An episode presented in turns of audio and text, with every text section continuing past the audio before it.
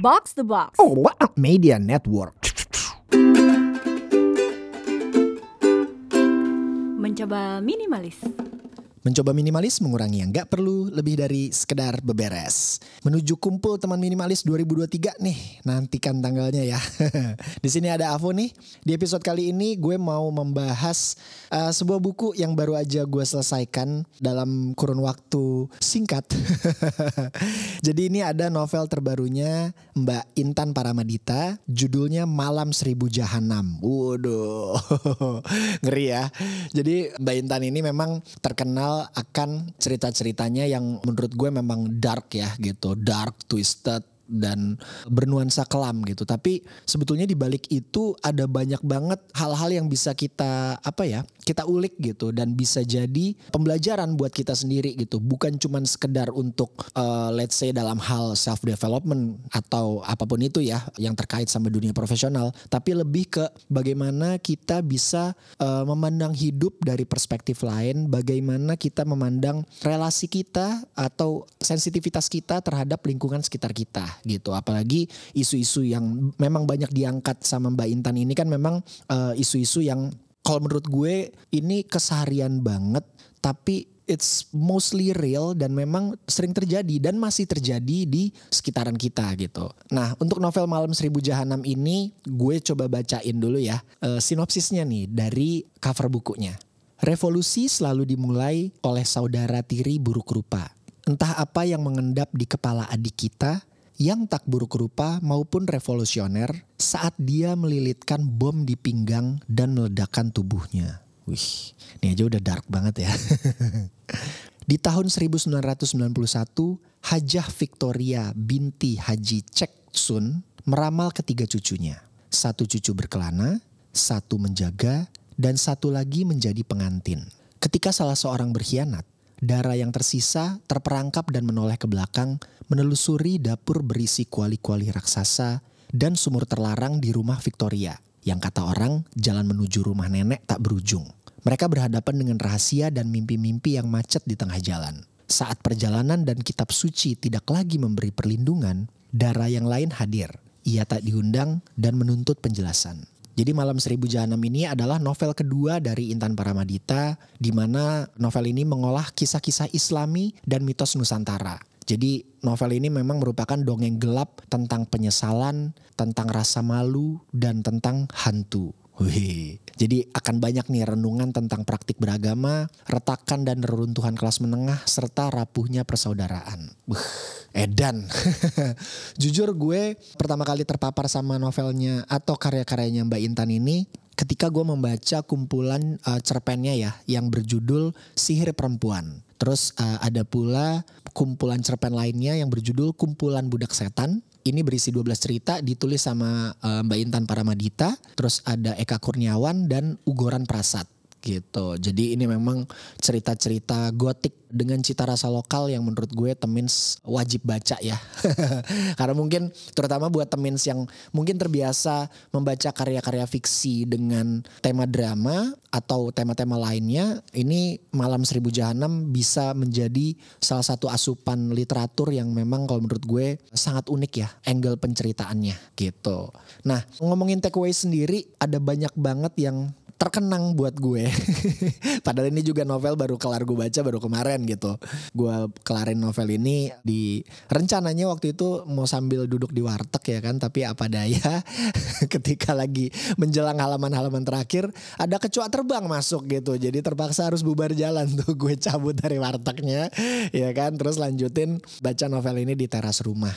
Salah satu mungkin yang paling menurut gue bisa jadi takeaway dari novel ini adalah bagaimana kita melihat relasi kita sama saudara kita atau siblings. Nah, gue yakin mungkin ada temen di luar sana juga yang memang merupakan anak tunggal ya, tapi pasti banyak juga yang punya saudara nih. Nah, novel ini bisa membuat kita bertanya lagi sama diri kita sendiri. Sebetulnya sejauh apa sih kita udah mengenal saudara-saudara kita? Gitu. Ini konteksnya saudara kandung ya gitu. Karena gue percaya walaupun kita lahir istilahnya dari rahim ibu yang sama, tapi belum tentu kita semua mendapatkan pengalaman yang sama, treatment yang sama, atau memiliki cara pandang yang sama gitu. Nah ini banyak banget dibahas di novel ini di mana ketiga bersaudari yang jadi tokoh utama di novel ini yaitu Mutiara si anak sulung, Maya si anak tengah dan Anissa si bungsu itu masing-masing memiliki perspektif perjalanan hidup dan struggle-nya masing-masing gitu tanpa mereka satu sama lain pernah benar-benar membicarakan hal tersebut gitu. Temis juga pasti sering ya mengalami hal ini atau mungkin pernah mengalami hal ini di mana antara kalian dengan saudara kalian yang lain itu mungkin sebetulnya pernah adalah unek-unek atau trauma atau eh, hal-hal uh, yang memang tidak berkenan yang pernah terjadi di masa lalu tapi kalian somehow belum pernah sempat membicarakan hal tersebut dari hati ke hati. Nah, wah langsung ini nih kayaknya ya. Begitu gue bacain kayak langsung pasti banyak yang langsung uh gitu tertohok gitu. nah, menurut gue dengan membaca novel ini kalian semoga kalian juga bisa terpantik ya. Baik itu untuk having such conversation with your siblings atau minimal setidaknya kalian bisa terpantik untuk let's say sekedar menyapa atau menanyakan kabar dari saudara kalian gitu. Terutama ketika kalian udah tinggal masing-masing ya di tempat yang berbeda. Itu yang pertama.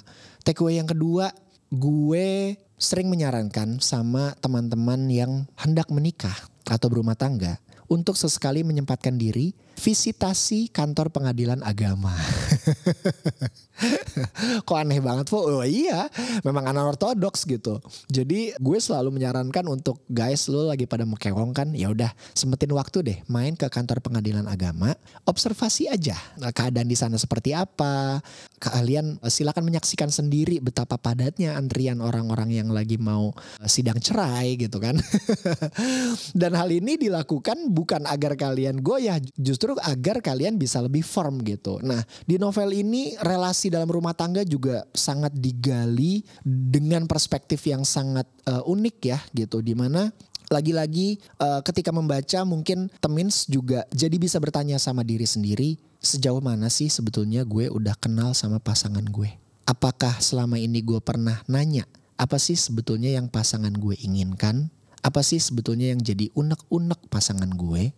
apakah dia pernah punya trauma di masa lalunya yang mungkin sampai sekarang juga belum selesai. Itu tuh pertanyaan-pertanyaan simple tapi gue rasa bisa sangat menggugah untuk bisa temin coba tuh bicarakan. Ini bukan cuman sama yang udah kewong aja ya. Justru ketika kalian lagi dalam masa penjajakan ini bisa jadi bahan pembicaraan dan bahan diskusi yang kalau menurut gue sehat banget gitu. Karena jika merunut pada novelnya sendiri banyak tragedi-tragedi atau peristiwa-peristiwa yang sangat traumatis bisa terjadi itu yang berawal dari hal-hal yang harusnya bisa dibicarakan kemudian tidak dibicarakan gitu. Jadi kalau kita ngomongin secara preventif nih ya, ya ada drama-drama yang harusnya atau resiko-resiko yang harusnya itu bisa dihindari atau kalaupun memang tidak terhindarkan setidaknya bisa diminimalisir. Tapi ketika kita tidak membicarakan hal tersebut atau ketika kita menghindari untuk membahas hal tersebut, nah di situlah awal bencana bisa terjadi. Gue pengen banget cerita lebih banyak tapi takutnya spoiler ya. Jadi gue uh, encourage Temins untuk segera uh, takis bukunya. Ini bisa didapetin di toko-toko buku kesayangan Temins. Silakan juga kalau mau baca karya-karya Mbak Intan Paramadita yang lainnya dijamin jos. Pokoknya apa pun agama dan kepercayaan serta apa pun yang kamu sembah, berimanlah pada referensi AVO. Itu aja mungkin ya dari gue untuk episode kali ini. Jangan lupa share episode ini ke temen yang mungkin suka baca ya atau lagi nyari judul-judul bacaan baru nih yang fresh. Siapa tahu mereka suka dan boleh juga kasih review bintang limanya di Spotify lewat HP lo biar gue sama Puri tambah semangat rekaman episode-episode baru. Kita ketemu lagi di episode selanjutnya. Avo Chaps. Mencoba minimalis.